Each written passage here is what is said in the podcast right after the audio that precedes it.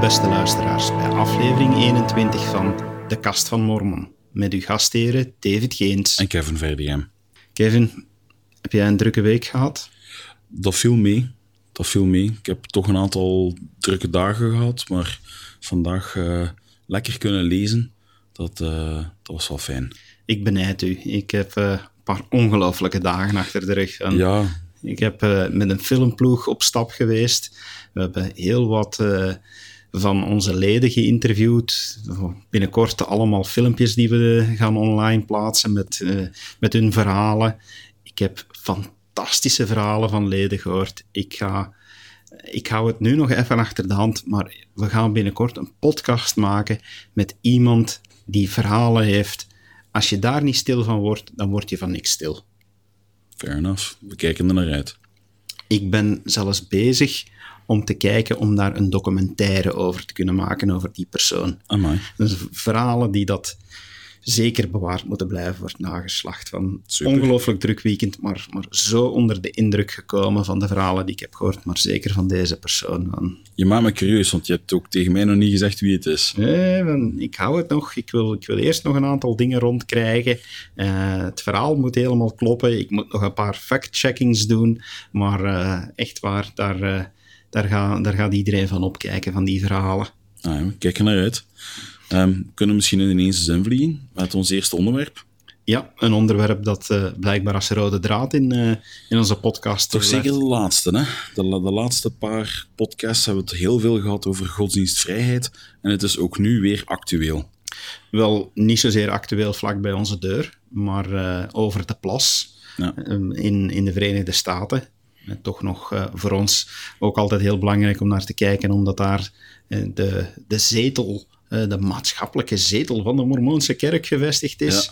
Ja. van wat Rome voor de katholieken is, is Salt Lake City voor ons. Ja. Maar het is inderdaad terugkomend op de zaak die dat ook hier de pers al wel heeft gehaald. een bakker, een, geen Mormoonse bakker, een, maar een bakker zeer christelijk, diep christelijk, van geloof die dat de vraag krijgt om een taart te bakken voor een uh, homohuwelijk. Ja, om het even te kaderen, het huwelijk, het homohuwelijk is in de staat waarin dat de bakker woont niet toegestaan. Dit koppel is in een andere staat getrouwd en gingen dan een receptie doen voor vrienden in hun eigen staat en waren dan doorverwezen geweest naar deze bakker en hebben aan hem de vraag gesteld van kijk, wil jij voor ons een taart bakken? En die heeft eigenlijk ja, zegt zelf, het gesprek heeft, of een van de partijen heeft zelf gezegd, het gesprek heeft maar 20 seconden geduurd.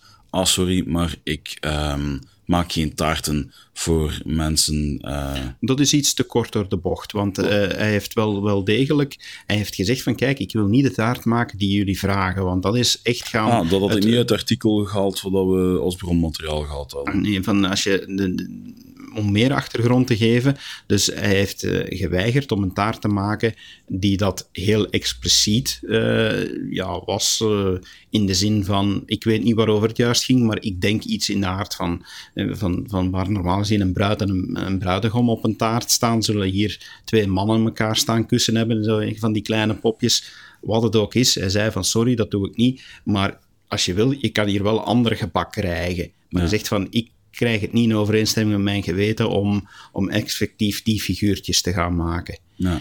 Um, en ja, dat koppel, dat betrokken koppel, is naar de rechtbank getrokken, of eerst zelfs naar uh, de lokale autoriteiten, uh, want het was in Colorado, als ik me niet vergis. Ik weet en, niet uh, men heeft daar dan bij de commissie ter bescherming van de rechten van iedereen, van, waaronder Non-Discrimination Act, ja. zoals het dan wordt genoemd, en die hebben dan geoordeeld dat de bakker in fout was. Uh, en het is nu uiteindelijk helemaal tot het Hooggerechtshof gegaan. Ja. En het Hooggerechtshof heeft nu in het voordeel van de bakker besloten. Maar uh, moeten heel genuanceerd zijn. Het Hooggerechtshof heeft niet gezegd dat religie voorrang krijgt op andere rechten. Ja. Het is niet dat men de bakker in het gelijk gesteld heeft in de zin van: oké, okay, ja, jij mocht omwille van je geloof dit weigeren in deze, uh, in deze casus heeft het Hooggerechtshof gezegd van, dat ze vonden dat uh, de staat Colorado de rechten van de bakker geschonden heeft door in de besprekingen, in, in, de, in de commissie die hier moest over oordelen, door daar eigenlijk nogal met strenge vooroordelen tegenover religie uh, naar buiten te komen. Ja. Uh, men is daar in de besprekingen, heeft men, heeft men onder andere gezegd van, ja kijk, uh, religieuze keuzes, die mogen hier geen rol in spelen. Uh, dus ja, we gaan sowieso in het voordeel van het koppel oordelen, want ja, die redenen aanvaarden we niet. En dus de Hoge Rechtshof heeft, heeft eigenlijk gezegd van, kijk, religieuze vrijheid is een vrijheid die niet mag genegeerd worden. Ook die is een vrijheid die moet beschermd worden en afgewogen worden tegenover de andere vrijheden men heeft er wel, als je het meerderheidsstandpunt over naleest, en het staat heel uitvoerig beschreven op de blog van het Hooggerechtshof, dan zie je heel duidelijk dat men wel zegt van kijk, wij zeggen niet dat je omwille van religie inderdaad uh, homo's of, of anderen mag gaan discrimineren. En men heeft het heel duidelijk in dit geval, heeft men net het omgekeerde, zegt men van ja, we oordelen dat de bakker gelijk krijgt, omdat hij niet alle rechten heeft gekregen waar hij recht op had. Maar men schuift de zaak wel een beetje voor zich uit, dus het kan nog wel heel boeiend worden, denk ik, om, om te zien van, ja, tot waar, en dan, dan ken je wel mijn adagium, ja, dat de ene vrijheid stopt waar dat die van een andere begint. Ehm, dan wordt het wel een heel moeilijke grens, vind ik. Want aan de ene kant heb ik ook zoiets van, en ik denk dat onze kerk er ook wel zo achter staat, dat iemand niet mag uitgesloten worden van iets omwille van diens geaardheid. Aan de andere kant heb je inderdaad van, ja, als je als bakker gevraagd wordt om iets te maken dat misschien wat expliciet is, dat je zegt van, goh, dat doe ik niet.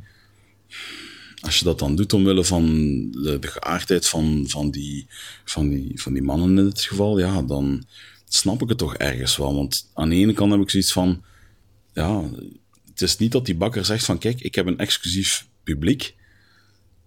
Mijn bakkerij is voor iedereen toegankelijk. Maar daar moet ik nu eigenlijk een beetje vanuit juridische, vanuit juridische hoek op nuanceren. In Amerika geldt in de meeste staten wetgeving die zegt dat als je uh, een winkel hebt of iets dergelijks, iets die mhm. publiek betreedbaar is, of je biedt producten en of diensten aan aan het publiek, ja, vrij aan het publiek, dan mag je niet discrimineren. Ja. Dat is daar een wetgeving. Dus uh, in die zin gaan zeggen van, ja, oké, die bakker die heeft ook zijn persoonlijke vrijheid. Ja, maar dan moet hij, dan moet hij duidelijk zeggen van, oké, ik doe mijn bakkerij alleen maar open voor mensen die kunnen aantonen dat ze christelijk zijn, bij wijze van spreken. Ja, maar dan heb je het inderdaad niet aan het grote publiek, wat dat deze bakker wel was. Ja, dus in Amerika is, is de antidiscriminatiewetgeving heel duidelijk verfijnd op het punt die zegt van kijk, als je diensten aanbiedt, ja, commercieel, mhm. dan mag je die niet weigeren op basis van zaken die, die discriminerend zijn. Ja. Dus in die zin, volgens die wetgeving, ja, had dit homokoppel zeker gelijk om een zaak aan te spannen. Ja. Nu, persoonlijk, ja, en je weet, ik ben een enorme voorvechter van, van godsdienstvrijheid, eh, beschouw ik dit als een, een heel moeilijk geval. Ja? Ook vanuit filosofisch standpunt, ja, waar stopt de ene vrijheid en begint de andere? Eh, ik heb nu tegenwoordig zo'n beetje van don't be a jerk policy. Ja. Is van, ja, probeer mensen niet te kwetsen. Ik vind uh, dat dat ook heel belangrijk is om, om dat na te gaan. Um, zorgen dat in het, in het beoefenen van je eigen vrijheid, dat je andere mensen niet gaat kwetsen. En ja, dan moet, je gaan, dan, moet je dan gaan zien, maar dan blijft het nog een teer evenwicht. Hè? Want dan kan je zeggen van, ja, was die bakker gekwetst door die vraag te krijgen van, van die taart te maken? Dit gaat altijd zo moeilijk zijn, maar ik vind het wel, in die zin ben ik blij met deze uitspraak, die heel duidelijk zegt van, oké, dit is een heel moeilijke evenwichtsoefening, maar ze moet dus in evenwicht genomen worden en per definitie gaan zeggen van dat religieuze standpunten minder gewicht hebben, dat is ook fout. Ja. En dat vind ik eindelijk eens terug goed. Van, ik vind het fantastisch dat de laatste jaren er enorm veel aandacht gaat voor, voor de rechten van, van homo's en lesbiennes en, en, mm en eender wie kan gediscrimineerd worden, ook racisme en zo. Van, dat moet echt stoppen. We, mogen mensen niet discrimineren.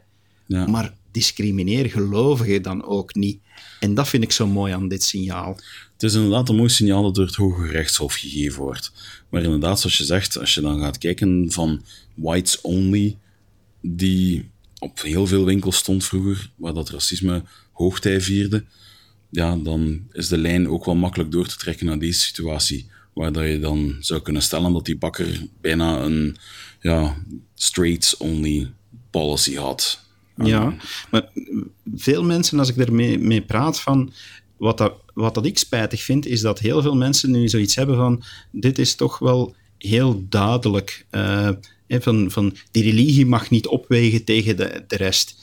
En als dan zegt van oké, laat ik het eens in een andere versie gooien. Van, stel dat die bakker nu uh, een paar uh, echte white supremacy aanhangers had gekregen, die kwamen vragen van een taart te bakken met de Southern flag en, en een paar nazi-symbolen. Ja? En hij zou dat geweigerd hebben zou dan niet eigenlijk die hele goed gemeente gezegd hebben van oh ja, die bakker had groot gelijk van dat te weigeren? Juridisch zit je daar dan weer met het feit dat ehm, dingen die haatdragend zijn of haat aanmoedigen, dat dat tegen de wet is. En daar heeft die bakker dan weer wel grond om te zeggen van sorry, maar bij wet mag ik dit weigeren, want ik vind dat dit haatdragend is of aanstoot geeft, nee, niet aanstoot geeft, maar aanleiding kan geven tot het bevorderen van een haatdragende boodschap jegens een andere um, groep of weet ik veel wat. Dus juridisch zou je daar dan wel op zijn benen maar staan toch, ik vind, ik vind het eigenlijk van, jongens, kunnen we nu eens eindelijk al die discriminerende onderdelen, op het punt waarop men discrimineert, en of, men, men, heeft zo het hele mooie lijstje van ja, niet op basis van geslacht, eh, niet op basis van seksuele voorkeur, niet op basis van huidskleur, enzovoort, enzovoort. In dat lijstje staat ook geloof. Ja. En mijn, ja, mijn, uh, mijn redenvoering hier is, is eigenlijk bedoeld om te zeggen van mag je geloof alsjeblieft ook in dat lijstje blijven staan? Ja, dat is wat dat ik bedoel en wat dat ik zo fijn vind aan deze uitspraak. Beste luisteraars, we hebben vanavond een heel interessante gast in onze podcast. Uh, David Tessin, auteur van het uh, geweldige boek God is een vluchteling. Hij is momenteel toe aan zijn derde druk. Het is echt een aanrader. Wie het nog niet gelezen heeft, we zullen het straks nog wel even meegeven, maar uh, dan mis je echt wel iets. Welkom David, dankjewel om uh, hier aanwezig te willen zijn vanavond. Dankjewel. David. Uh, ik zou willen zeggen van ja, wij weten wie je bent, maar misschien heel wat van onze luisteraars nog niet. Dus stel jezelf even voor alsjeblieft. Goh, uh, ik ben uh, oorspronkelijk West-Vlaams en tegenwoordig wonende in het Antwerpse. Ik ben filosoof van opleiding uh, en ik ben heel erg geïnteresseerd geraakt in christenen afkomstig van buiten Europa. Ik ben zelf katholiek van achtergrond, maar ik ben, toen ik in Antwerpen werkte, ben ik heel veel mensen tegengekomen, vluchtelingen, uh, migranten en dergelijke, uh, die christelijk bleken te zijn, wat mij heel erg verbaasde. want ik dacht, zoals trouwens zoveel mensen, dat christenen vooral in Europa leefden of leven of leefden. dat er ook buiten Europa levende kerken waren, dat was nieuw voor mij. Zeker in het Midden-Oosten, waar heel veel vluchtelingen uit afkomstig waren. En vandaar ben ik geïnteresseerd geraakt en ben ik daarover gaan lezen en ben ik gaan, gaan die mensen gaan bezoeken. En heb ik uiteindelijk een boek geschreven. Mooi. Maar, uh, qua opleiding, uh, zit, zit er eigenlijk een stuk van je opleiding mee in om, om aan zulk boek te beginnen? Uh, heel weinig. filosofie aan de KU Leuven ehm, is niet zo. Is, allee, houdt zich niet echt veel bezig met religie. Dus het is meer uh, dat is, het boek trouwens zelf is, is uh, helemaal geen, geen theologisch boek, ook al heeft het trouwens een prijs gewonnen voor het beste theologische boek van 2017 in Nederland. Nice. Um, maar het is geen theologisch boek in de zin dat het geen wetenschappelijk of, of academisch onderbouwd boek is. Er komt wel wat theologie in voor, maar het gaat vooral over mensen zelf en hun verhalen vluchtelingen die ik hier ben tegengekomen, migranten, uh, in de heel brede term, betekenis van het woord, uh, verhalen, persoonlijke verhalen, anekdotes, maar ook uh, verhalen van, van vlucht en vervolging. En anderzijds een stukje geschiedenis, omdat ik probeer de geschiedenis te schetsen van die mensen, die kerken, die vaak al duizenden jaren oud zijn, soms ook nog maar een paar weken oud, heel divers, die teruggaan tot de, de eerste apostelen soms. Ehm, en ik heb geprobeerd dat die geschiedenis ook wat te schetsen zonder daar een groot historisch werk van te maken. Ja, dat is, dat is wel bijzonder goed gelukt, want dat maakt het boek ook heel leesbaar, vind ik zelf. Uh, een van de redenen waarom ik fan ben, is omdat het voor mij twee van mijn onderwerpen waar ik enorm geïnteresseerd ben, met elkaar mengt. Enerzijds van hoe staat geloof vandaag nog, met anderzijds die stukken geschiedenis. Ehm, ik vond het een, zeer boeiende combinatie, vandaar hè, dat, ik, dat ik mij inderdaad afvroeg van hoe ben je daartoe gekomen, maar en dat, heb je, dat heb je zelf al gezegd, door er gewoon mee in aanraking te komen. Maar heb je dan door met die vluchtelingen in, in contact te komen van, heb je nu zo wat net het tegenovergestelde idee gekregen, dat het christendom enkel nog bij die vluchtelingen actief is? Um, wel, ten eerste, um, zodra dat ik maar begin met onderzoek te doen over dat christendom buiten Europa, zowel historisch als vandaag, komen onmiddellijk een aantal cijfers tegen die in feite, uh, waarvan je in feite omver valt. Om, om een voorbeeld te geven, 100 jaar geleden uh, was een derde van de wereldbevolking christelijk. Vandaag is dat nog steeds zo, maar in tegenstelling tot, tot 100 jaar geleden leeft de meerderheid daarvan tegenwoordig buiten Europa. Je hebt de voorbije 100 jaar een enorme verschuiving uh, gezien, uh, een demografische verschuiving uh, van de christenen wereldwijd, waarbij het zwaartepunt letterlijk komt te liggen buiten Europa. Dat is, dat is een van de eerste dingen die ik merkte en dat is, dat is enorm fascinerend om te, om te beseffen dat het christendom dat ik nog steeds associeer of associeerde met Europa, historisch dan toch uh, tegenwoordig vooral buiten Europa, al buiten het Westen, toekoor Europa en Amerika bestaat. Is voornamelijk Afrikaans, Aziatisch, Zuid-Amerikaans. Uh, daar leeft tegenwoordig de meerderheid en ook vaak de jongste, uh, jongste christenen wonen daar. Hè. 100 jaar geleden was de gemiddelde christen uh, zeg maar een, een, een Oost-Europese uh, dame in haar, in haar, in haar in, in, 40 jaar oud of zo. Tegenwoordig is het vooral is de gemiddelde christen eerder een, een Filipijnse van, van, van 25 jaar oud of een Afrikaanse, Zuid-Afrikaanse. is ook letterlijk jonger. jaar oud. Letterlijk jonger geworden. Ja. ja jonger, zuiderser. Eh, conservatiever op een aantal vlakken. In tegenstelling dan tot wat we hier in onze kerken zien. Inderdaad. Als ik zeg dan onze kerk, bedoel ik specifiek de katholieke kerk in dit geval. Um, ik ben recent, um, is het mijn grootvader begraven geweest. Los van de familie waren de mensen die daarbij waren heel veel oude mensen. Je had er ook een aantal mensen waar dan ik van achteraf vroeg van ja, oma, hoe ken jij die persoon? Ik zeg, oh, die ken ik eigenlijk zo niet. Die zal hier waarschijnlijk gewoon naar de kerk komen en ja, mee willen helpen, steunen. Dus ook daar heel weinig. Nu, um, die minderheidskerken die je daar, die je daar aanhaalt, minderheidskerk, trekken die ook mensen van hier aan? Of zijn het echt meer de mensen die dan vanuit het buitenland naar hier vluchten en waarvan je dan zegt van goed, kijk, die groeperen zich hier samen, die gaan ofwel verder met de religie die ze hebben, of ze stichten samen een ecumenische um, samensmelting. Wel, ten eerste wat hij zegt klopt absoluut. Het christendom in, West-Europa is aan het verouderen. Dat is vooral de katholieke kerk, ook een aantal protestantse kerken, de Anglicaanse kerk in Engeland, is enorm aan het verouderen en aan het, afkalven. Er was onlangs, een aantal weken terug, nog een onderzoek van Pew, waar het bleek dat uh, de, kerkelijkheid, zeg maar, het aantal mensen die één keer in de maand naar de kerk gaan, in België lag op 10%. Als je vraagt, hoe als je vraagt of men gaat één keer in de twee weken is het 5%. Dat zijn de cijfers die ik meestal hoor. Dat zijn trouwens vergelijkbare cijfers uh, met ons omringende landen. Frankrijk, Engeland hetzelfde, rond de 5%. Um, ehm, waarvan trouwens maar heel weinig, uh, soms zo'n 2% bij ons, van die 5% is jonger dan, dan 34. Dat gaat vooral voor de katholieke kerk natuurlijk.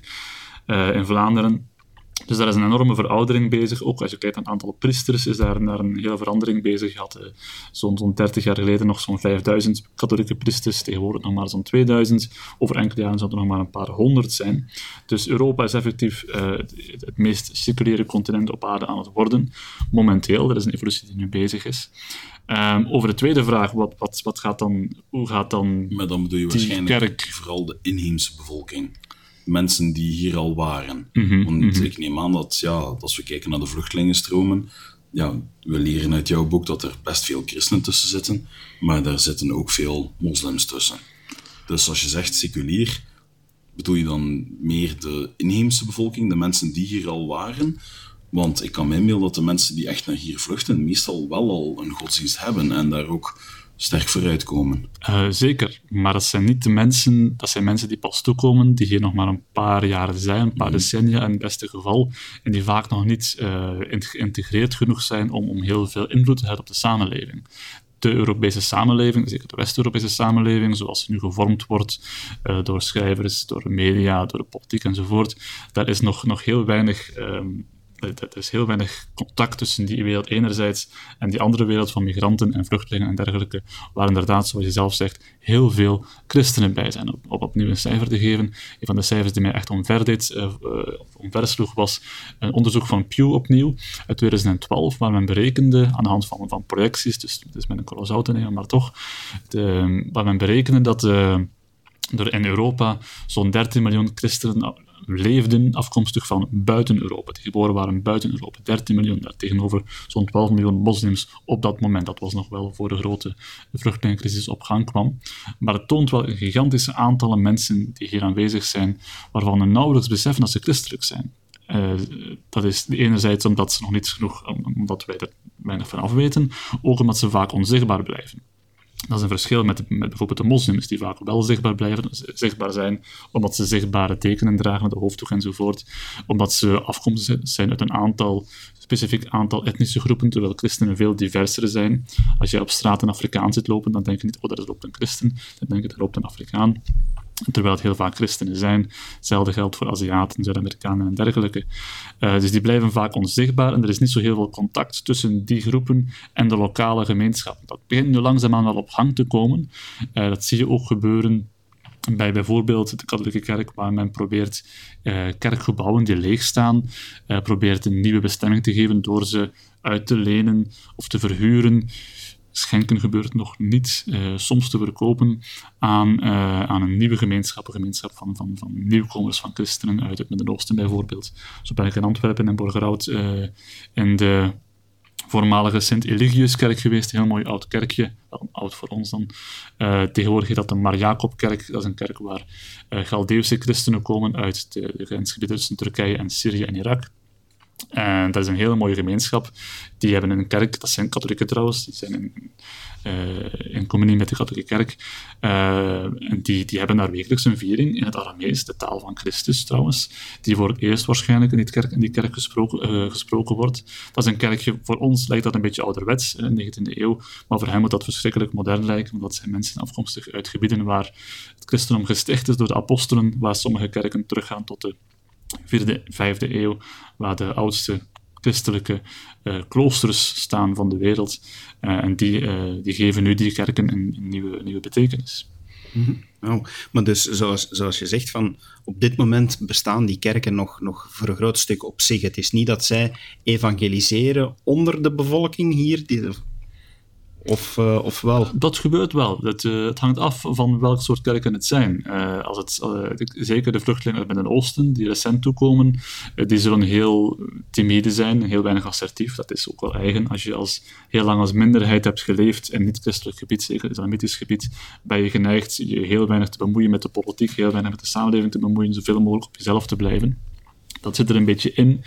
Um, als je kijkt naar andere kerken, afkomstig uit zeg maar, Afrikaanse landen, Aziatische landen, waar uh, bijvoorbeeld Afrikaanse landen waar het christendom in een concurrentiestrijd verwikkeld is met de islam, uh, waar de percentages helemaal anders uh, liggen, dan gaan die mensen veel assertiever zijn, veel meer geneigd zijn tot, tot evangelisatie enzovoort. Of wat je ook soms ziet, is dat er kerken uit de buitenwereld, buiten Europa, uh, missionarissen sturen naar West-Europa, zoals trouwens uh, jullie ook doen. Uh, maar dat gaat dan, het verschil dan is dan bijvoorbeeld bij Filipijnse kerken, die sturen missionarissen naar hier, die gaan dan vaak vooral mis, evangeliseren onder de etnische Filipijnen. Waarom? Omdat die kerkjes, die kerkjes dat, die, dat, wordt, dat wordt Tagalog gesproken. De maaltijd achteraf is een Filipijnse maaltijd.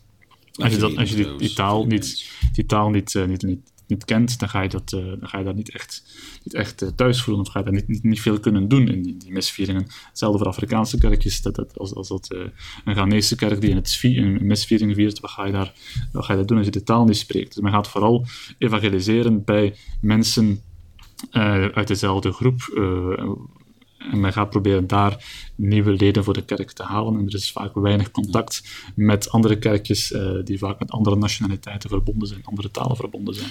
Merk je dat mensen die naar hier komen moeite hebben met de secularisatie die hier toch zo wijdverbreid is? Zeker, zeker. Uh, een, van de, een, van de, een van de verhalen die ik gehoord heb was van een een uh, Assyrische christen die uh, uit, uit opnieuw de grensgebieden tussen Turkije en, en Syrië uh, in de jaren tachtig al wegvluchtte voor de strijd tussen de Turken en de Koerden. En zij dachten toen, wij zijn de laatste christenen op aarde. als je in die, bergdorpen woont, is er vaak weinig contact met de buitenwereld. Je leeft in een gebied dat, dat voornamelijk uh, gedomineerd wordt door moslims, uh, dan, je, dan denken zulke dingen. Die mensen kwamen dan toe in Bagdad en hoorden daar over het bestaan van een christelijk continent in, in Europa. Dachten, ah, fantastisch, dat is ons, onze hoop, onze, onze redding, daar moeten we naartoe gaan. Die mensen trokken massaal naar hier, werden nog toegelaten en kwamen uiteindelijk terecht in een, in een, ja, een, continent dat heel zwaar aan het seculariseren was, waar de kerken aan het leegstromen waren. En dat was voor die mensen ja, heel, heel, heel, heel spijtig natuurlijk. Dat was een beetje een tweede tragedie voor hen, eh, om dat te zien, dat die kerken aan het leeglopen waren, dat kerken werden omgevormd tot fitnesszalen en, en, en hotels en zo, wat ze heel spijtig vonden, want ja, vaak zijn dat mensen die wegvluchten omwille van hun religie, die in hun thuisland de vrijheid niet hebben om uh, een religie vrij te gaan beleiden. Voor hen het christendom is, associëren met vrijheid. Die komen dan toe hier in Europa, waar het christendom vooral wordt geassocieerd met een soort van uh, een dominante vaderreligie, waar we zoveel mogelijk van moeten afzetten en van, bevrijden, om toch maar vrij te kunnen zijn. Dat is een totale andere manier van kijken naar die religie. Voor die mensen is dat vaak een grote bron van, uh, van treurigheid. -hmm. Maar ja, als we kijken naar, naar vluchtelingen, dan hè, de meeste mensen hier die hebben het idee van oké, uh, vluchtelingen die vormen, als al een probleem vormen, dan is het een probleem omdat hè, heel vaak, je ziet nu, ziet nu heel goed van hè, het botsen dan van culturen, noem ik het eerder, terwijl dat je dan nooit het gevoel krijgt dat, dat er zo'n botsing zit met die christenen. Is, is dat dan volgens jou meer omdat we toch nog altijd diezelfde christelijke achtergrond hebben? Um, deels, deels. Het is, het is natuurlijk heel, zeker de eerste generaties zijn vaak via uh, paters en nonnetjes geïntegreerd geraakt, hebben Nederlands geleerd van die mensen enzovoort, en zijn via die bestaande kerkjes opgenomen in uh, de lokale gemeenschap. Uh, het hangt ook af van denominatie natuurlijk. Katholieken zullen veel makkelijker bij andere katholieke kerken geïntegreerd worden. Nederland zijn vooral protestantse kerken. Hier bij ons is dat veel moeilijker natuurlijk. Een protestantse kerken in Vlaanderen, dat, die zijn veel zeldzamer. Die bestaan natuurlijk wel, maar die zijn veel zeldzamer. Dus het hangt een beetje af van, het bestaande, van de bestaande structuren en ook van de, van de, de ontvangstcapaciteit van de samenleving. Um, je hebt heel veel, um, heel veel nieuwkomers die de laatste jaren toekomen, gaan heel vaak in hun eigen groep blijven leven. Terwijl de eerste groepen, die, die, losten een beetje op in de samenleving, maar dat, was, dat waren er ook veel minder natuurlijk. Ze raakten verspreid enzovoort. Terwijl de nieuwe groepen, die blijven veel meer op zichzelf in bepaalde wijken uh, leven, waar ze veel meer bij de, eigen gemeenschap, die al bestaat, gaan, uh, gaan, gaan contact zoeken en gaan veel meer op zichzelf blijven leven. Dus er is veel minder contact dan vroeger momenteel tussen die nieuwe christenen en de, de bestaande uh, kerkjes hier. Mm -hmm. ja, ja. Als we nu even naar, naar je boek gaan, van, uh, waar, we, waar we een aantal passages hebben in aangestreept die, die bij ons echt zijn blijven hangen, dan uh, was er onder andere de volgende, en ik citeer. Um, ik hoop dat je je eigen woorden nog herkent. Van, uh, het is ontnuchterend om vervolgde christenen te horen vertellen dat ze in een westers land dezelfde vormen van vervolging meemaken als die in hun land van herkomst. Uh, als ik dat, als ik dat in, dan las in je boek, dan, dan had ik echt zoiets van Um, ja, wat bedoel je daar nu juist uiteindelijk mee van? Um, hoe, hoe, worden ze hier dan, dan vervolgd? Wat, wat ontvluchten ze om hier terug tegen te komen? Wel, onder andere aanslagen. Een van de meest uh, rakende momenten, uh, een van de momenten die me het meest geraakt heeft uh, tijdens het schrijven van het boek, was toen in Brussel de aanslagen plaatsvonden in maart. Um, en dat was vlakbij de plaats waar ik werk trouwens. En ik kreeg toen telefoontjes van Pakistaanse vluchtelingen, mensen die waren weggevlucht, uh, omwille van vervolging in eigen land, omwille van aanslagen die gepleegd werden op christenen, die, die mij vroegen, uh, als goed, bij oké, bij in orde, Wat vreemd is voor mij, want ik nam aan, die mensen komen naar hier, die denken dat ze hier veilig zijn, en vervolgens gaan ze ons geruststellen als wij ook aanslagen gaan meemaken. En dan vertellen ze mij van, kijk, eh, je raakt dat gewend. Dat is iets wat, wat erbij hoort. We zijn dat gewend in Pakistan. Dat is hier niet anders. Wat een hele rare manier van denken is voor mij. Maar dat is wat die mensen hebben meegemaakt. Trouwens, een paar dagen later vond er een aanslag plaats in uh, Lahore, in uh, Pakistan, die specifiek gericht was op christenen. Want men kwam daar samen in de parken om, om ik denk dat het Pasen was, te vieren. Dat was een aanslag specifiek op christenen. Uh, en, en, een aantal familieleden van mensen die ik herken zijn, dan ook, of, zijn er ook mee of waren, waren, waren gewond geraakt in die aanslag. Dat zijn plotseling momenten dat je gaat beseffen van kijk, hier, hier komen twee werelden. Een wereld enerzijds uh, die voor ons meestal heel ver van ons bed uh, bestaat. Een wereld waar een vervolging plaatsvindt van christenen, waar mensen willen van een religie worden, worden belaagd. Uh, die komt plotseling hier terecht in onze wereld, onze veilige welvaartsstaat, waar we dachten dat alles veilig was, waar iedereen kon zijn eigen ding doen, uh, waar, iedereen, waar iedereen kon zonder gevaar voor, voor zijn leven, kon zijn religie beleiden. En plotseling zie je dan dat er hier ook aanslagen gepleegd worden, uh, soms wel gericht tegen christenen. Denk aan de, de moord op, uh, op, de priester in Frankrijk, uh, Hamel. Dat was specifiek tegen, tegen christenen gericht. dat, zijn, dat zijn een soort dingen dat wij niet meer gewend zijn. En dat is plotseling wel een shock om dat soort dingen mee te maken. Je haalt in je boek ook aan, specifiek dan, vluchtelingen die naar hier komen en die dan ja, door de manier waarop dat de wet werkt, in vluchtelingenkamp worden opgenomen en die dan ook daar vervolging ervaren. Er zijn een aantal onderzoeken geweest, vooral in Duitsland, uh, waar een onderzoek gedaan heeft naar de ervaringen van vluchtelingen uh, in vluchtelingencentra.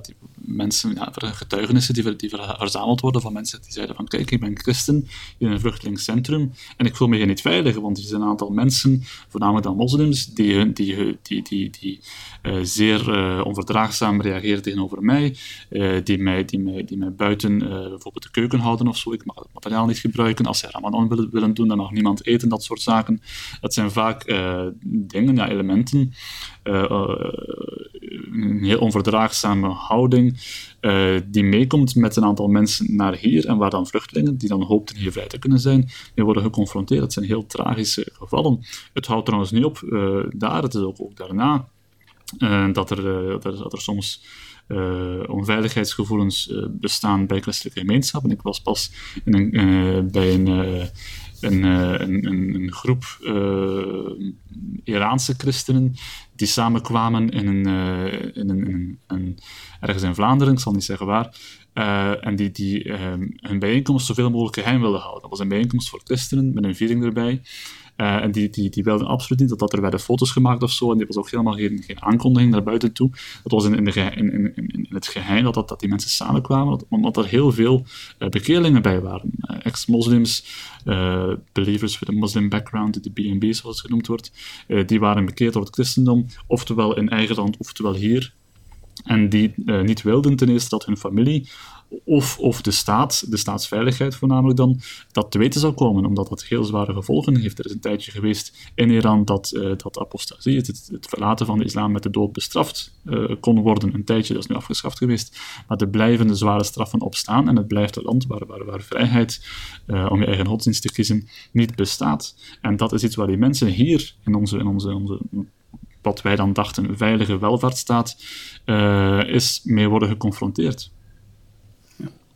En heb je het gevoel dat, daar, uh, dat, we, dat we daar zelf iets zouden kunnen aan doen? Als we, als we zouden zeggen van, kunnen wij die mensen helpen als ze in zulke situatie zitten? Nou, we kunnen het natuurlijk proberen. Dan kunnen die mensen zoveel mogelijk proberen op te vangen. Aan de andere kant, je wilt ook wel dat iedereen leert samenleven. En dat is niet eenvoudig. Als je al van begin af aan mensen gaat apart houden, dan, dan, dan is dat niet de juiste, juiste, juiste boodschap. Maar je kunt zeker proberen als lokale gemeenschap die mensen op te vangen en proberen uh, zoveel mogelijk te helpen. Met dan vooral heel veel respect voor de discretie uh, die, zij, die zij vragen. Heel veel van de namen trouwens in het boek zijn, zijn, zijn, zijn uh, pseudoniemen of valse namen die ik gebruikt heb, net omwille van de privacy van die mensen, omdat er mensen bij zijn ja, die, die, die heel goed weten, als het bekend graag dat ik, dat ik een christen ben, dan gaat het heel zware gevolgen hebben voor mijn familie en mijn land van herkomst.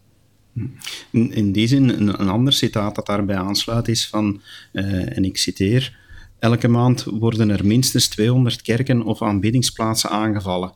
Elke dag in elke regio van onze planeet. stellen we nieuwe gevallen van systematisch geweld tegen en vervolging van christenen vast.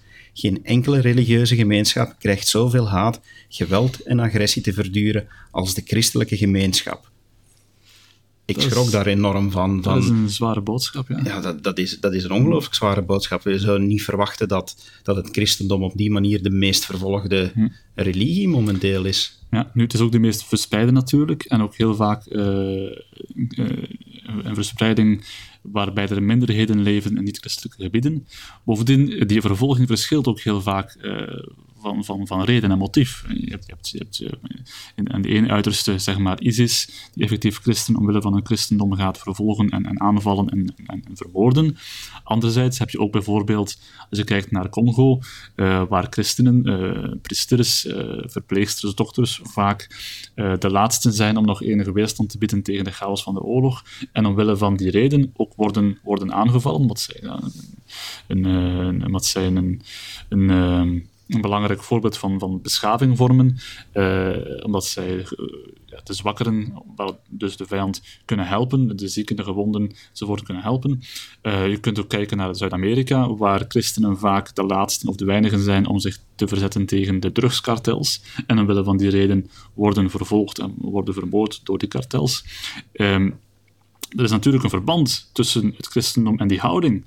Christenen zijn nu eenmaal mensen. Allee, het christendom is, begonnen met een man die is vervolgd en, en gedood omwille van zijn eh, religieuze overtuiging, Christus. Vandaar trouwens de titel. Ehm, dat is een voorbeeld dat heel veel christenen volgen wereldwijd. En, eh, vaak worden ze omwille van die houding en die, die levenswijze wel, wel vervolgd. M- Misschien, misschien dan vraag ik me af van, oké, dus het is een vaststelling dat, dat die christenen die naar hier vluchten, dan een reactie gaan krijgen van, hé hey jongens, eh, wij, wij staan nog altijd een beetje op onszelf en dat daar dus het effect is dat heel veel van die gemeenschappen enorm gesloten zijn. Van, van hoe ben je er dan in gelukt om met zoveel verschillende van die gemeenschappen in contact te komen? Oh, daar is heel veel tijd van nodig geweest en heel veel moeite natuurlijk. Het, klopt, dat zijn heel, heel, eh, heel gesloten gemeenschappen. Ik heb, een tijdje geleden was er een journalist, journalist bij mij die mij dezelfde vraag stelde van hoe ben je er godsnaam binnengeraakt, want mij, mij willen ze niet toelaten, ik ben journalist, ze vertrouwen mij aan geen kanten. Eh, dus ehm, ik ben daar ik- via via vooral in feite. Dus ik kende iemand die iemand kende enzovoort, ben daar binnengeraakt, ben ik een paar keer naar de, zondagsvieringen meegegaan, wat meegevierd, verschillende malen. En zo langzaamaan is dan uiteindelijk eh, een zekere band gegroeid, is er zeker contact ge- gekomen en is men mij genoeg gaan vertrouwen om, eh, eh, om, om, om zeg maar, mijn vragen te beantwoorden. Maar dat heeft vaak heel lang geduurd. Het is trouwens ook iets wat je zondag per zondag moet doen, dus het duurt nog extra lang. Ehm, ook andere, eh, ook andere voorbeelden.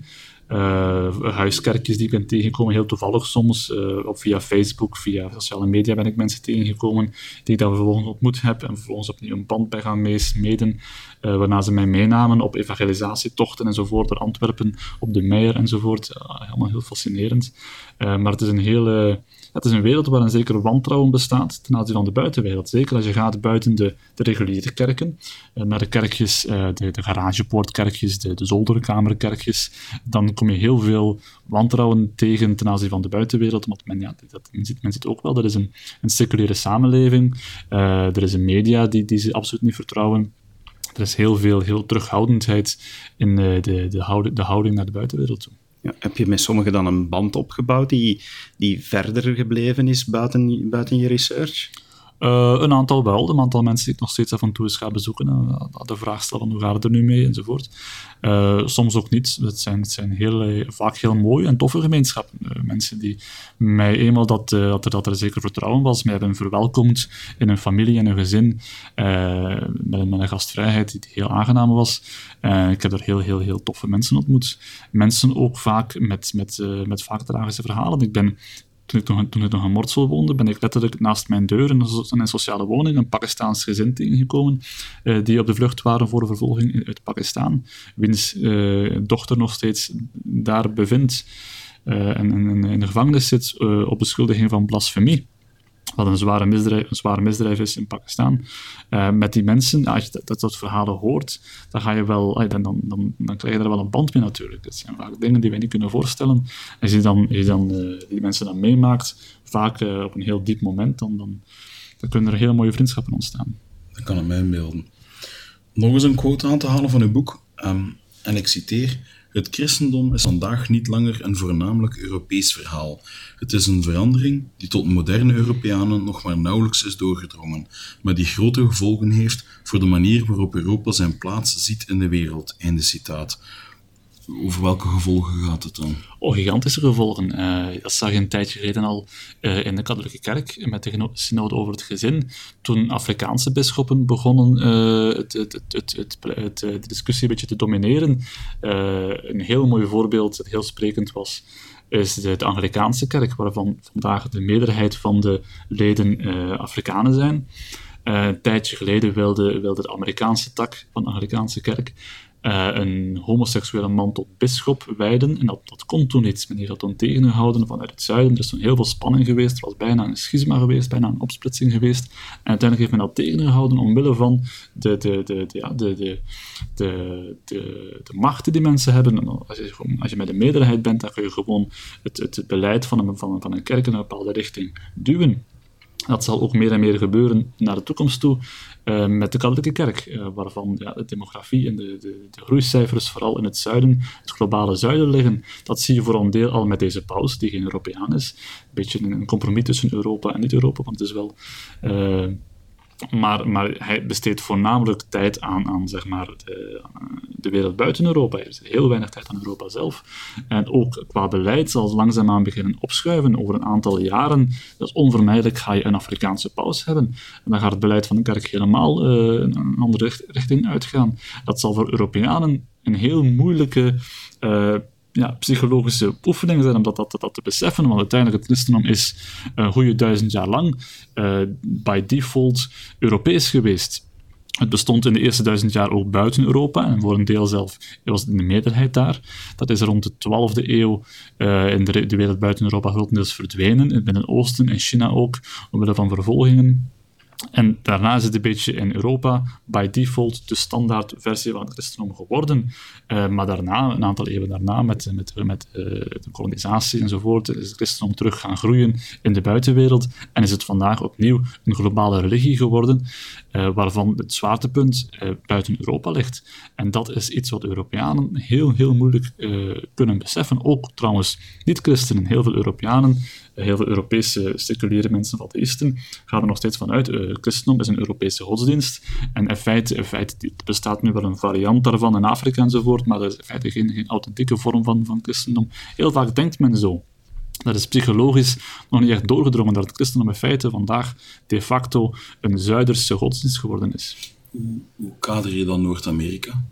Want daar heb je toch de befaamde Bible Belt, waar dat toch mensen heel sterk religieus christen zijn? Uh, ja, nee. Het is ook in Amerika is er een secularisering bezig, waarbij je merkt dat uh, enerzijds onderaan zie je een groepje christenen die meer religieus worden, anderzijds zie je ook de, seculiere mensen in aantallen groeien. Er is een polarisering bezig. Hè. De, de, de nuns, hoe zeggen dat, de, de, mensen die geen enkele, de, ja. geen enkele religieuze affiliatie hebben, die verkleinen in aantal. En zowel de niet-christenen als de christenen groeien in aantal. En er is daar een secularisatie bezig, waarbij het christendom uh, minder en minder uh, een rol gaat spelen ook in de politiek. De huidige president is helemaal niet christelijk.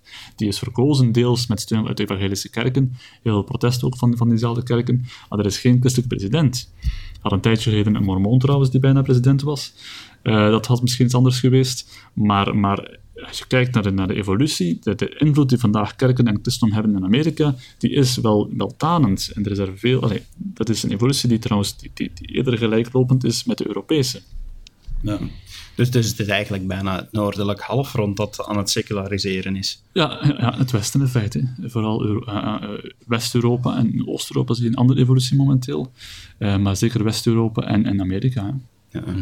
ja, want je, je haalde al cijfers aan en, en ja, daaruit blijkt van dat, uh, dat de leeftijd natuurlijk ja, zeker bij de, bij de oudere, reeds langer aanwezige kerken hier in Europa, kijken we dan voornamelijk naar de katholieke kerk, mm dat, die, dat die echt toeneemt. Um, maar dus bij nieuwe christenen is, is dat duidelijk jonger. Maar hebben zij dan ook veel meer instroom van, of ervaren de christenen die naar hier komen hetzelfde fenomeen wat wij zelfs ook als mormonen ervaren, dat het niet altijd makkelijk is om onze kinderen actief te houden in de kerk? Ehm, deels wel, deels niet. Ze hebben een aantal eigenschappen die, die het voor hen makkelijker maakt om te overleven als, als kerk. Ze hebben vaak een eigen taal, een eigen cultuur die zij in stand willen houden. Heel vaak vluchtelingen die wegvluchten, zijn alles verloren, een huis, een goed, eh, al een eigendommen. Een religie is vaak het enige wat ze nog over hebben, een cultuur een beetje, een taal enzovoort. Kijk naar die Galdeën, dat zijn, dat zijn mensen die Aramees spreken, de taal van Christus zelf. Dat is een heel belangrijk deel van hun identiteit, die die mensen wel willen bewaren, vaak het enige wat ze over hebben, die de mensen wel vaak willen bewaren. En die leren dat ook aan hun kinderen. Die kinderen zijn perfect in Nederlandstalig, die zijn er opgegroeid, maar ik ben in Mechelen bij een groepje jonge Galdeers geweest die elke woensdagavond, jongetjes van 12, 13 jaar oud, heel sympathieke jongens, die elke woensdagavond samenkomen in een parochiezaaltje om daar Aramees te gaan leren van een, uh, een, een, een, een lokale Galdeer. Um, en zij, zij kunnen die taal ook wel, en dat is voor hen een deel van hun identiteit. En via die taal, via die gebruiken ook, die actief worden, worden, worden uitgedragen, via organisaties en dergelijke, wordt dat, dat christendom wel doorgegeven. En dat hebben wij vaak niet meer, als, zeker als katholieken niet meer. Uh, met met uh, secularisatie hebben we heel veel dingen afgestoten, cultuur, taal enzovoort. De, de, christelijke symboliek, wie kent die nog? Het jargon is allemaal verdwenen, het Latijn is helemaal verdwenen. En, daarmee is ook een manier om, om, om zeg maar, de dragers van die religie uh, zijn, zijn, een beetje verdwenen, zijn een beetje verdwenen voor het, het katholicisme in West-Europa en deels ook trouwens het protestantisme. En dat is anders voor de nieuwkomers, voor die, voor die vluchtelingen, voor die migranten, voor, uh, die vaak nog hun taal en hun cultuur meegeven aan hun kinderen en via die weg het christendom ook meegeven. Mhm. Is het dan zo dat, dat het deze nieuwe christenen zijn die, die het christendom uh, gaan levend houden in Europa, maar, maar, er ook een nieuwe gestalte gaan geven? Of of denk je, ja, daar zal toch nog heel veel voor moeten veranderen voordat, voordat eigenlijk ze een nieuwe golf uh, kunnen, kunnen creëren die, die de huidige secularisering een beetje tegengaat? In, in die zin, als ik er even mag tussenkomen, vraag ik me af of dat de golf van de islam niet groter zal zijn dan die van de christenen. En dat je misschien het soort conflicten dat je dan in um, Midden-Oosten tegenkomt, dat die naar hier geïmporteerd worden daar ben ik een beetje bang voor. Dat, die, ehm. dat die mensen daar ontvluchten, mhm. naar hier komen. Mhm. En dat omdat beide gemeenschappen tezamen opkomen. In je boek omschrijf je zelf ook dat uh, een aantal van die mensen die je geïnterviewd hebt ook duidelijk zeggen van dat ze schrokken van hoeveel extreme moslims hier in Vlaanderen rondlopen. Um, uh, ja, ze zullen voor een deel uh, in die richting evolueren. Ik weet niet of dat de instroom van, van die nieuwe christenen de secularisatie zal ongedaan maken. Ik denk het niet. Ik denk op zeker op korte termijn zal die, zal die verder gaan. En zal de kloof tussen Europa, seculier Europa, en de nieuwkomers uh, net vergroten. Dat ziet dan ook met de moslims gebeuren. Onder invloed van, van, die, van die, de instroom van moslims zie je vaak hoe dat, zeg maar, atheïsten veel, veel actiever worden, uh, hoe, hoe uh, de secularisatie een tandje, tandje, een, tandje gaat bijsteken. Omdat men daar zit, een, een bedreiging ziet van, vanuit de religieuze hoek. Men gaat dan juist het niet-religieuze benadrukken. Dat gaat trouwens ook gebeuren met die christenen. Um, ik denk dat heel veel mensen in, in West-Europa die zich vandaag nog ergens nominaal christen noemen, uh, wanneer die geconfronteerd worden met die nieuwe christenen, gaan, gaan, gaan beseffen van eigenlijk ben ik helemaal niet meer christelijk, want wat, wat die mensen doen en denken, wat die mensen belichamen, dat is totaal, dat staat heel ver van mijn leefwereld. En, en er gaat daar volgens mij geen uh, nieuw groot christendom komen. Er gaat in tegendeel de instroom komen van nieuwe christenen, die kerken gaan vormen in West-Europa en die uh, de lokale bevolking zullen confronteren en de secularisatie waarschijnlijk alleen maar zullen, zullen bevorderen, zeker op korte termijn. Um, ik denk niet dat, het, dat er gaat een grote nieuwe multiculturele kerk ontstaan in West-Europa. Dat, zijn vaak uh, gemeenschappen die net omdat ze kunnen overleven via hun taal en cultuur, eilanden vormen en blijven vormen uh, en dat ook niet, gaan, niet, zo vlug gaan opgeven. Ja. Eén uh, zin nog uit, uit je boek van, ehm, waar ik me enorm kon vereenzelvigen, ehm, mits één aanpassing was van, en je schreef en ik citeer, het wordt alvast hoog tijd dat we ons in Europa rekenschap geven van een nieuw soort vreemdeling in ons midden, de christen. En ik had zoiets van, ik, wou, ik wou in die zin veranderen van de christen, ja, bijna de gelovige is ook van, ja, het, het, het, het is toch wel heel bijzonder dat we, gewoon het feit dat, dat, dat, dat je boeker is en dat het zo succesvol is, is toch wel duidelijk dat het, dat het iets doet ja, iets bij, in resonantie krijgt. Dat mensen wel voelen van, hé, hey, hier ontstaat toch echt wel, wel iets waar we, waar we niet meer vertrouwd mee zijn. Absoluut, absoluut. In die zin, het christendom in West-Europa is springlevend. Het is alleen niet meer Europees. Het is iets heel vreemds geworden. Het is een religie van Afrikanen, Aziaten geworden, wat heel vreemd is voor ons. En dat is inderdaad een, ja, een nieuwe ervaring voor veel mensen. Het, het, zal boeiend worden, denk ik, om, om daar leren mee om te gaan, om... Uh, om ook te zien van hoe de maatschappij daar gaat op reageren. Absoluut, absoluut. Nu, uh, je boek, ik, echt waar, het is, het, is, het is een van de betere boeken die ik al in lange tijd heb gelezen. Dank je wel. Uh, maar, maar Dit waar, waar zijn de mormonen in je boek? Wel, ik heb die wel bezocht natuurlijk. Uh, zeker aan het begin, toen ik aan het, aan het kijken was wat het zou worden van een boek. Want ik, ik heb het een beetje gezocht. Ik, ik, was heel erg geïnteresseerd erin en ik wist niet goed in welke richting het zou uitgaan. Dan ben ik vooral uh, onder invloed van de uitgever, die mij aanraadde om te focussen op vluchtelingen, wat een heel goede raad was, want dat was een heel actueel thema. Heb ik dan uiteindelijk uh, besloten om de Mormonen helaas dat hoofdstuk niet, niet, niet, niet te vertellen, want uh, het, is een, het is een kerk die in feite, hoe zal ik het zeggen, te blank is, excuseer de uitdrukking, maar het is een kerk die in feite vooral bestaat uit Vlamingen zelf, die hier al, al heel lang zijn. al, ik denk de kerk teruggaat tot het begin van de 20e eeuw in Vlaanderen, de Mormoonse kerk. Um, die is er gekomen met, met, met, met de soldaten van de Eerste Wereldoorlog, uh, deels. Uh, dat is iets wat eigenlijk al heel lang bezig is. En er zijn heel weinig vluchtelingen trouwens uh, bij jullie te vinden. Ik merk hier en daar nu een klein beetje meer. Nu, nu is het anders. Ja. Maar we hebben zeker de pioniers. Die hebben um, het, het, het, verhaal van hoe zij in de begindagen van de kerk, of de herstelling van de kerk, hebben zij enorm veel vervolging gehad. Mensen die vermoord werden, die eigenlijk mee, meegemaakt hebben wat heel veel van de mensen in jouw boek... Ja. Maar dat was inderdaad in Amerika. Ja, dus ik kan me, kan me goed voorstellen, je zegt van, ik leg de focus wel op wat hier lokaal gebeurt, maar ik denk dat wij ons als mormonen toch wel kunnen inleven in wat deze mensen meegemaakt hebben. Misschien niet persoonlijk, maar als we onze geschiedenisboeken erbij halen, als we zien hoe mensen marteldoden gestorven zijn, hoe mensen letterlijk ja, voor een vuurpeloton gezet worden. Dus het is in die zin, en veren, ja. ja, het is in die zin inderdaad, uh, ik denk dat daarmee het boek bij ons inderdaad ook iets losmaakt. Hè. Ja. Het, zit, het zit in onze, in onze DNA eigenlijk als mormoon van te weten wat het is om, om vervolgd te worden. Van, als je weet van dat het enige officiële uh, uitroeiingsorder in de Verenigde Staten, uh, dat ooit gegeven is door, door de overheid, door een gouverneur, niet gericht was tegen de Indianen, maar tegen Mormonen. En, en dat nog niet zo lang geleden pas on, ondaan geweest is. Ja. Had je, die, had je van die loophole geweten, dan had ik, ik heb me dat ooit eens bedacht. Ik zeg, beeld u nu in dat je van die loophole weet en je kunt tegen je buurman die toevallig mormoon is en je knalt die neer, dan kun je zeggen, ah, maar deze wet is nog van kracht. Um, I'm scot-free. Ja, maar, uh, maar, maar het is inderdaad... Uh, ja, ik kan, ik kan me vereenzelvigen van...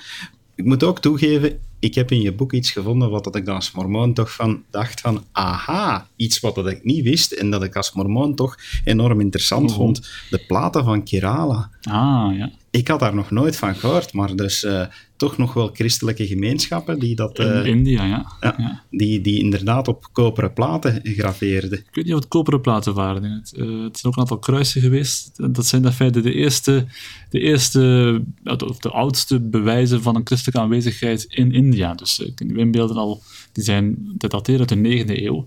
Er zijn bewijzen dat er ook nog eerder christenen waren, in de zesde eeuw zelf al. Dat waren dan ja, christen, christenen die, waren, die, daar waren gekomen via de zijderoute. Uh, vaak christenen van het Midden-Oosten, die waren uh, oftewel weggevlucht voor vervolging, oftewel via missionarissen naar het oosten gereisd, naar India, naar wat tegenwoordig Pakistan is, en daar een daar kerk hebben gesticht. En de oudste bewijzen zijn effectief afkomstig uh, uit, uit Kerala, de, de, stenen, de, stenen platen waren niet zeker. Ik heb een beetje research gedaan, er waren onder andere koperen platen. platen bij. En onderzoek heeft aangetoond dat het uit een Hebreeuwse traditie ah, kwam. Wat voor ons als mormonen, van, dat zou je hè, wel weten als, als enorm geïnteresseerde, van, hè, van, dat ons boek van Mormon, uh, dat dat een vertaling is van, van verhalen die ook uh, opgeschreven zijn op koperen platen. En dat, dat, uit, dat wij ook weten dat dat uit een Hebreeuwse traditie komt. Dus uh, toch wel, wel aangenaam om inderdaad in dat stukje geschiedenis te zien van raakvlakken die, mm die, die toch ook weer voor heel wat erkenning uh, zorgen. Nu, uh, het is een superboek, echt waar. Wie het nog niet gelezen heeft, eh, God is een vluchteling. We zullen in de show notes zeker een link er naar opnemen. Ja, je kan hem via de, de, uitdrukker, de uitgeverij Polis, kan je daar via de website bestellen. Je kan hem ook via de standaard boekhandel Ja, en bol.com en, en al de betere boekhandels. Dus. dus we zullen dat zeker vermelden van als je natuurlijk zo'n fantastisch boek geschreven hebt, derde druk inmiddels, uh, dan kunnen we echt wel over een bestseller spreken. dan volgt automatisch de vraag van, komt er een vervolg? Uh, zeker, ik ben uh, nu aan het kijken naar een aantal mogelijkheden. Een van de, de, hoofdstukken die ontbreekt in dit boek is het feit dat het christendom in, in zeg maar Oost-Europa en daar voorbij Rusland, dat heb ik bewust, bewust weggehouden, maar het vooral focuste op het zuiden, het globale zuiden, Afrika, Azië, met een oosten maar dat is zeker een thema dat mij heel erg interesseert en waar ik misschien uh, ooit nog eens een boek over schrijf. Mm Daar kijken we al naar uit. En ik heb gehoord dat er ook mormonen leven in Oost-Europa en Rusland, dus dat kan misschien een... Uh, er is recent een, een nieuwe tempel aangekondigd voor Rusland. Um, in Oekraïne, in Kiev, was er al een tempel uh, recent gebouwd. Um, en er is recent één aangekondigd in Rusland op de, voor, op de laatste algemene conferentie, maar er is nog niet bekend welk, waar dat juist zou komen. Alleen dat het een major city in Russia zou zijn. En dat was ja, is fantastisch goed nieuws, want tot voor kort moesten bijna alle Russen naar Finland, naar Helsinki um, gaan, om daar naar de tempel te kunnen gaan. Um, en ja, mensen konden naar Kiev gaan, maar die relatie is een beetje vertroebeld. Hm. Oké, dat is heel uitzonderlijk, want het, zeker in Rusland is het christendom, men focust vooral op het orthodoxe christendom, dat wordt een beetje een bron van, van identiteit voor heel veel mensen. En het is, het, je ziet wel dat het moeilijker wordt voor andere denominaties om daar, daar binnen te geraken. Het is wel, wel uitzonderlijk, of, of heel mooi op zijn minst, dat, dat de mormonen dat toch een tempel kunnen maken in Rusland. Ja, absoluut. Nu, een vraag die ik uh, nogal ook graag stel aan onze, aan onze gasten, is van, wat betekent geloof nu in jouw leven? Waar, waar haal jij daar vreugde uit? Goh, ik heb het boek uitdrukkelijk geschreven, uh, niet vanuit een persoonlijk uh, religieus standpunt, maar als een boek voor een publiek dat zowel religieus als niet religieus was. Iedereen die geïnteresseerd was in het thema, omdat het gaat over vluchtelingen, over vervolging, wat uiteindelijk niet alleen maar christenen aanhangt natuurlijk, of wat niet alleen maar belangrijk is voor christenen. Vandaar mijn keuze. Het is een boek uh, bedoeld voor, voor, voor uh, een heel breed publiek. En ik heb ook mijn eigen perspectief bewust een beetje, beetje vaag gehouden, om dat niet, niet te veel te betrekken. Ik ben zelf katholiek van achtergrond, West-Vlaams katholiek. Ehm, dat is een, een, vorm van identiteit die. Die heel erg bevraagd is geweest tijdens het schrijven van dit boek. Ik heb heel veel, heel veel dingen over het christendom wist ik helemaal niet. Ik heb heel veel moeten bijleren. Ik heb zelf meer bijgeleerd over het christendom in de, in voorbije jaren dat ik aan het boek werkte, dan al die jaren daarvoor, toen ik katholiek onderwijs volgde en katholieke godsdienstles volgde enzovoort. En uiteindelijk niet zo heel veel bijleerde daarover. En op het moment dat je, dat je wordt geconfronteerd met mensen die uh, veel beter belezen zijn in, in, de Bijbel en de, de, theologische discussies, dat je zelf besef je pas hoe weinig dat je afweet van het christendom. Uh, ten eerste het Europese christendom, maar ook het wereldwijde christendom natuurlijk. Ik, ik zeg het, ik ben, ik ben zelf Europeaan. Ik ging ervan uit tot, tot voor kort dat christendom grotendeels historisch gelijk hetzelfde was als, als Europa. Dat Europa was het christendom en christendom was Europa. Dat is een, bron van, dat is een, dat is een mentaliteit die heel veel mensen vandaag nog steeds hebben. En die, die, die, die reis doorheen ja, de wereld in feite en de geschiedenis via de getuigenissen van die mensen die ik ontmoette in de staten van Antwerpen en Brussel en, en Frankfurt en Nederland enzovoort, Nederlandse steden, die heeft mij een beetje ja, de ogen open voor, voor die religie, die uiteindelijk veel meer verspreid en verbreid was, uh, uitgespreid was dan, dan ik ooit, ooit vermoedde en veel diverser en vaak ook veel vreemder was dan ik ooit had durven vermoeden. Mooi dat vind ik echt uh, mooi om, om eigenlijk met af te sluiten en, en dat te laten bezinken. David, uh, heel hartelijk dank dat je hier je tijd wou voor vrijmaken. Ehm, succes met je nieuwe boek. Eh, wanneer het eraan komt, van, eh, moet je het ons zeker laten weten, want eh, dan zullen wij bij de eerste zijn om het te willen lezen. Absoluut. En hopelijk hebben we dan nog een podcast. Kan ik opnieuw langskomen daarvoor. Zullen we zeker doen. doen. Goed, dankjewel. Kevin, ik heb nog een goede raad voor jou. Ja, Ja, je moet minder drinken. Het is heel duidelijk, de Gezondheidsraad heeft het heel duidelijk gezegd. Kevin drinkt niet meer dan 10 glazen alcohol per week. Ah, ja, had ik dat geweten. nee, alle gekheid op een stokje Mone weet natuurlijk al langer dat alcohol drinken niet zo goed is voor jouw gezondheid. Ehm, er zijn inderdaad wel een aantal benefits, maar over het algemeen genomen ja, zijn die vooral negatief. Ehm, Wel, dat, dat is nu net wat ik zo bijzonder vind aan wat verschenen is deze week als advies van de Hoge Raad. ja, Want inderdaad, wij als mormonen, we hebben onze gezondheidswet. Ja, woord van wijsheid, woord ja. van wijsheid, die, die zegt van ja, geen alcohol drinken.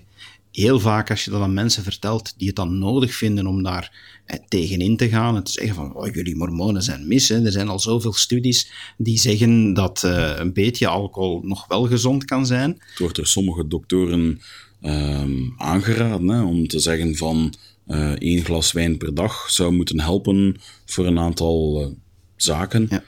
Maar in het nieuwe advies van de Gezondheidsraad, die zeggen nu van oké, ja, ze verlagen een heel stuk naar hun advies 10 glazen alcohol per week, maar in hun berichtgeving zeggen ze heel duidelijk het volgende, en ik citeer, in tegenstelling tot bepaalde overtuigingen van de consumenten heeft alcoholgebruik, zelfs met mate, altijd een impact op de gezondheid.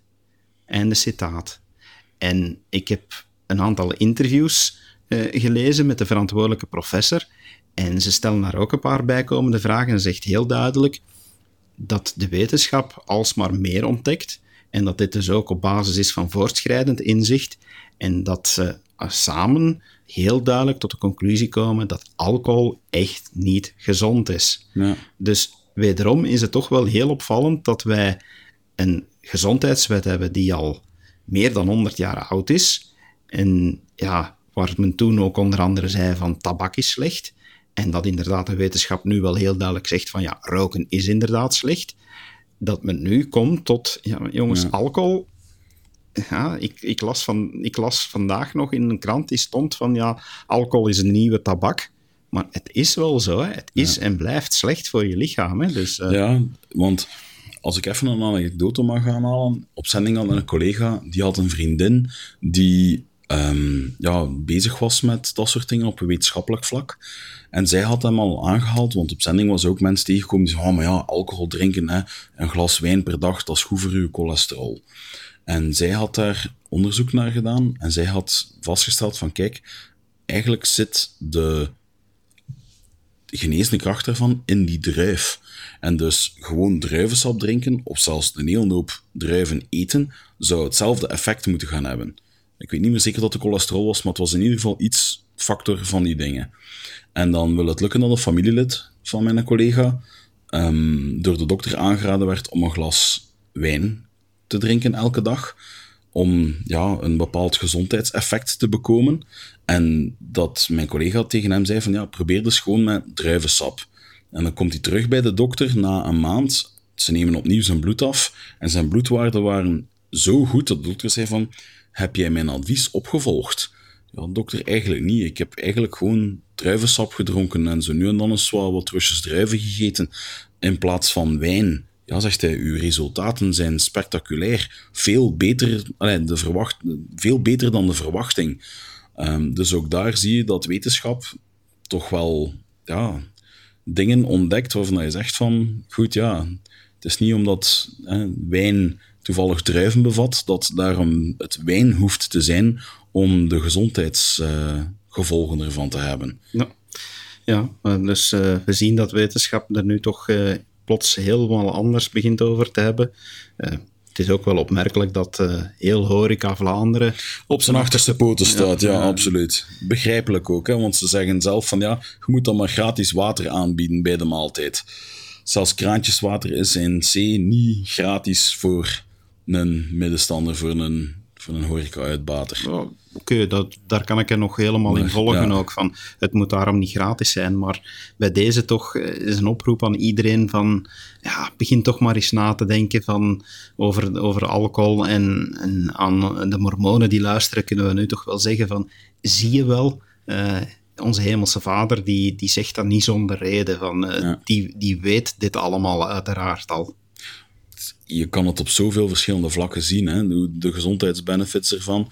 Ik herinner mij een artikel van eh Top Gear magazine was het.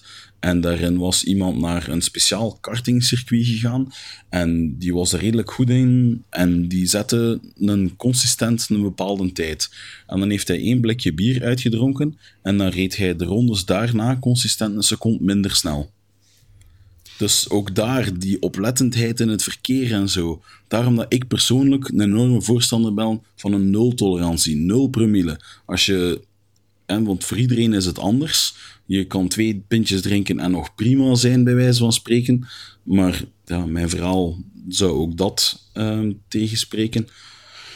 Ja, mensen die van één pint al best niet meer achter stuur kruipen. Dus nul tolerantie, nul promille, dat is mijn standpunt daarin, voor in het verkeer. Gewoon, het, het, het heeft te veel effecten op u als, als individu. En het is het toch echt niet waard, dat één pintje, om dan iemand dood te rijden. Volledig mee akkoord, maar ik wil dan toch ook de politieagenten die naar onze podcast luisteren heel duidelijk iets zeggen van, ja, wij hebben toch wel recht op die popsleutelhangers. Hè? Van, het is niet als je wordt tegengehouden als mormoon en dat ze je vragen van, hebt u gedronken meneer? En je zegt van, nee, ik drink niet, want ik ben mormoon. Dat je dan moet zeggen van, oh, ja, waren er maar zo meer als u en rij maar door. Nee, op zulk moment wil ik een popsleutelhanger. Ja, ik heb het al te vaak meegemaakt. Ik wil ook zo'n sleutelhanger. Ah, wij zijn ooit rond nieuwjaar, was het, een grote actie langs de autostrade. En mijn vader heeft zo'n heel pakket gekregen. Ehm, dat werd aan alle chauffeurs overhandigd, een soort van feestpakket voor de niet-drinker. En daar zat van alles nuttig in, van een ijsschreper en zo, voor de ramen en, En een klein flesje whisky. Nee. Ja, misschien voor uw slot ontdooien of zo. nee, eh, alle gekheid op een stokje, maar dat is, dat wel leuk om daarvoor herkend te worden. Tegenwoordig hebben ze natuurlijk quotas te behalen en laat ons eerlijk zijn, als ze langs de kant zetten, zullen ze doen blazen, want ze moeten bepaalde cijfers aan het aantal mensen die geblazen hebben halen. Dus eh, Maar zou dat nu niet een veel betere campagne zijn in plaats van een popcampagne? Zo van, hè, duid een pop in een gezelschap aan, dat we zouden kunnen zeggen van, nee, nodig eens een mormoon mee uit. Want is dan automatisch uw pop zo van, Ja. van, misschien moeten we iets opzetten, een website of zo, waar we ons kunnen Young beschikbaar Responsible stellen. Mormons in plaats van Young Responsible Drivers. Ja, zoiets van, van huur een mormoon, van, ja. ja, we, we kunnen misschien de mensheid nog ten dienste zijn. Maar goed. Goed. Daarmee zijn we aan het einde gekomen van aflevering 21. Beste luisteraars, als jullie onze podcast nog altijd op prijs weten te stellen, eh, laat het ons dan weten. Reageer op onze Facebookpagina, stuur ons een e-mailtje, eh, wat dan ook. Maar heel bijzonder ook zou zijn van als je een review zou schrijven op eh, bijvoorbeeld op iTunes of ons een sterretje zou geven in Overcast en dat je andere mensen eh, ook eens even in aanraking brengt met onze website www.dekastvanmormon.info, zodanig dat we ons bereik wat verder kunnen uitbreiden. Dat zouden we enorm hard op prijs stellen eh, in ruil voor, voor wat wij hier eh, iedere keer doen voor jullie. Absoluut. We wensen jullie nog een heel fijne rest van de week, of wanneer je dit ook beluistert. En we horen jullie graag terug bij aflevering 22. Dag. Dag.